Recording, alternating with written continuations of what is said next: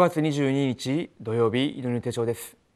今日の祈り手帳のタイトルは暗闇に打ち勝つ第二戦略。聖書の箇所はローマ書1章3節から4節です。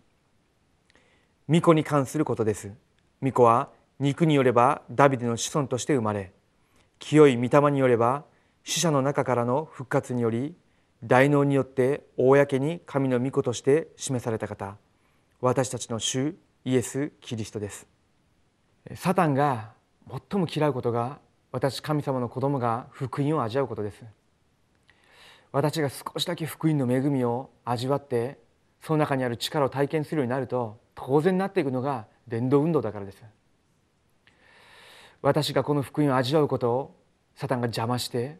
私が伝道しようとする時にいろんな問題を起こしながらそれを妨げようとします。その中でもサタンが最も利用するのが教会の中での人間関係だと思います。もし私と皆さんが担任牧師との関係でつまずいてしまった。すると間違いなく失敗するのが礼拝の祝福かもしれません。講談の御言葉を正しく受けることできなければ信徒は現場で答えを受けることができません。と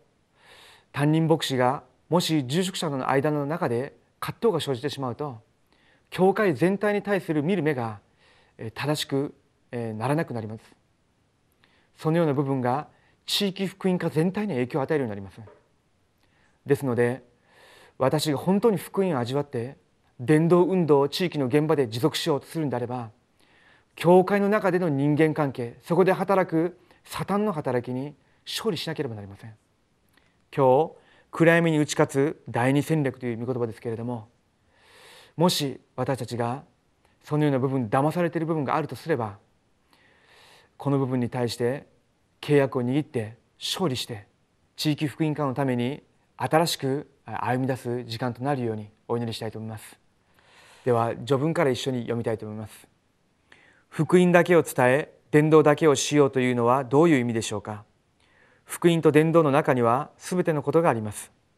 福音と伝道の他には時間を投資するなという意味です。福音と伝道はとても重要なのに多くの人があまり価値のないことに時間を浪費し価値のない葛藤や争いをして暗闇の勢力に騙されています。どのようにしたら暗闇の勢力に打ち勝ち正しい福音運動と伝道運動を行うことができるんでしょうか。一つ目です。暗闇の勢力に打ち勝つ第二戦略。教会の指導者である住職者と牧会者をどのような目で見るべきでしょうか。これは暗闇の勢力に打ち勝つ第二の戦略です。誤解や葛藤間違った考えのせいで暗闇の勢力に負けてしまいます。すべての住職者と一般信徒は牧会者をどのように見るべきでしょうか。命を懸ける存在として見なければなりません。プリスキラ夫婦がパウロのために命を懸けました。間違っているように思える牧会者ならばさらに助けてあげればよいのです。オネシモはもともと奴隷で大きな過ちを犯しましたが福音で新しく変えられコロサイ教会を生かす指導者となりました。足りない牧会者はより一層尊い人として立てる必要があります。モーセの兄アロンは大祭司でしたがモーセが十回を受けるため山に行っている間金の子牛の神を作りました。それにもかかわらず神様はアロンをレビ族の主張として立てられました。そばにいるすべての住職者は神様が私のそばに立てられた神様の形として見なければなりません。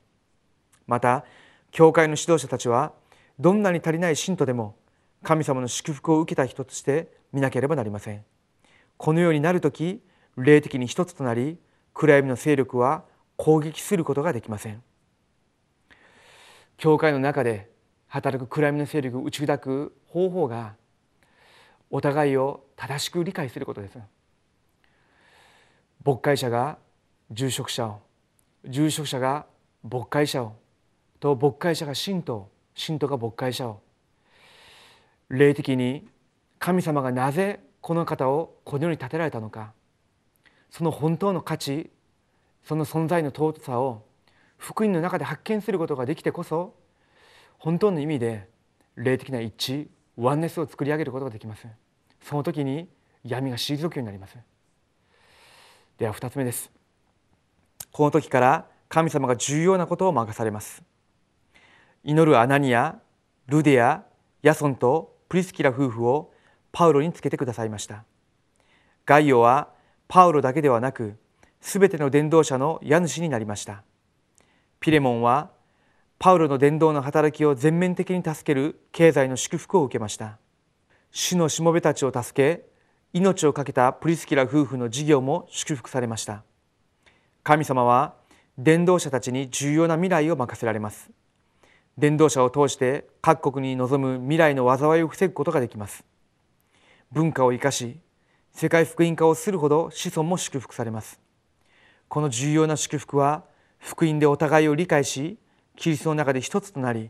暗闇を無力化する時に与えられる答えです。では今日のフォーラムの次第です。サタンは福音を持った者に勝てないので隙を狙っています。そのため人間関係を悪くさせ問題の中に陥るようにします。今から騙されてはいけない部分と戦わなければならない霊的な戦いは何でしょうか？お祈りします。生きとられる神様に感謝を下げます。私たちが地域を福音化し日本を福音化し世界福音化していくために牧会者住職者教会の中にいるすべての重要な生徒たちと共に福音の中で一つとなるために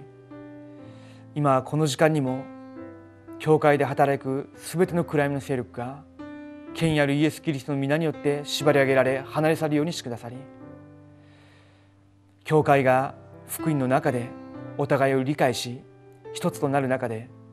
闇の力が打ち砕かれ現場に神の御国が望むように地域を生かす代表的な教会として立ててください。生きとられるイエス・キリストの皆でお祈りします。アーメン。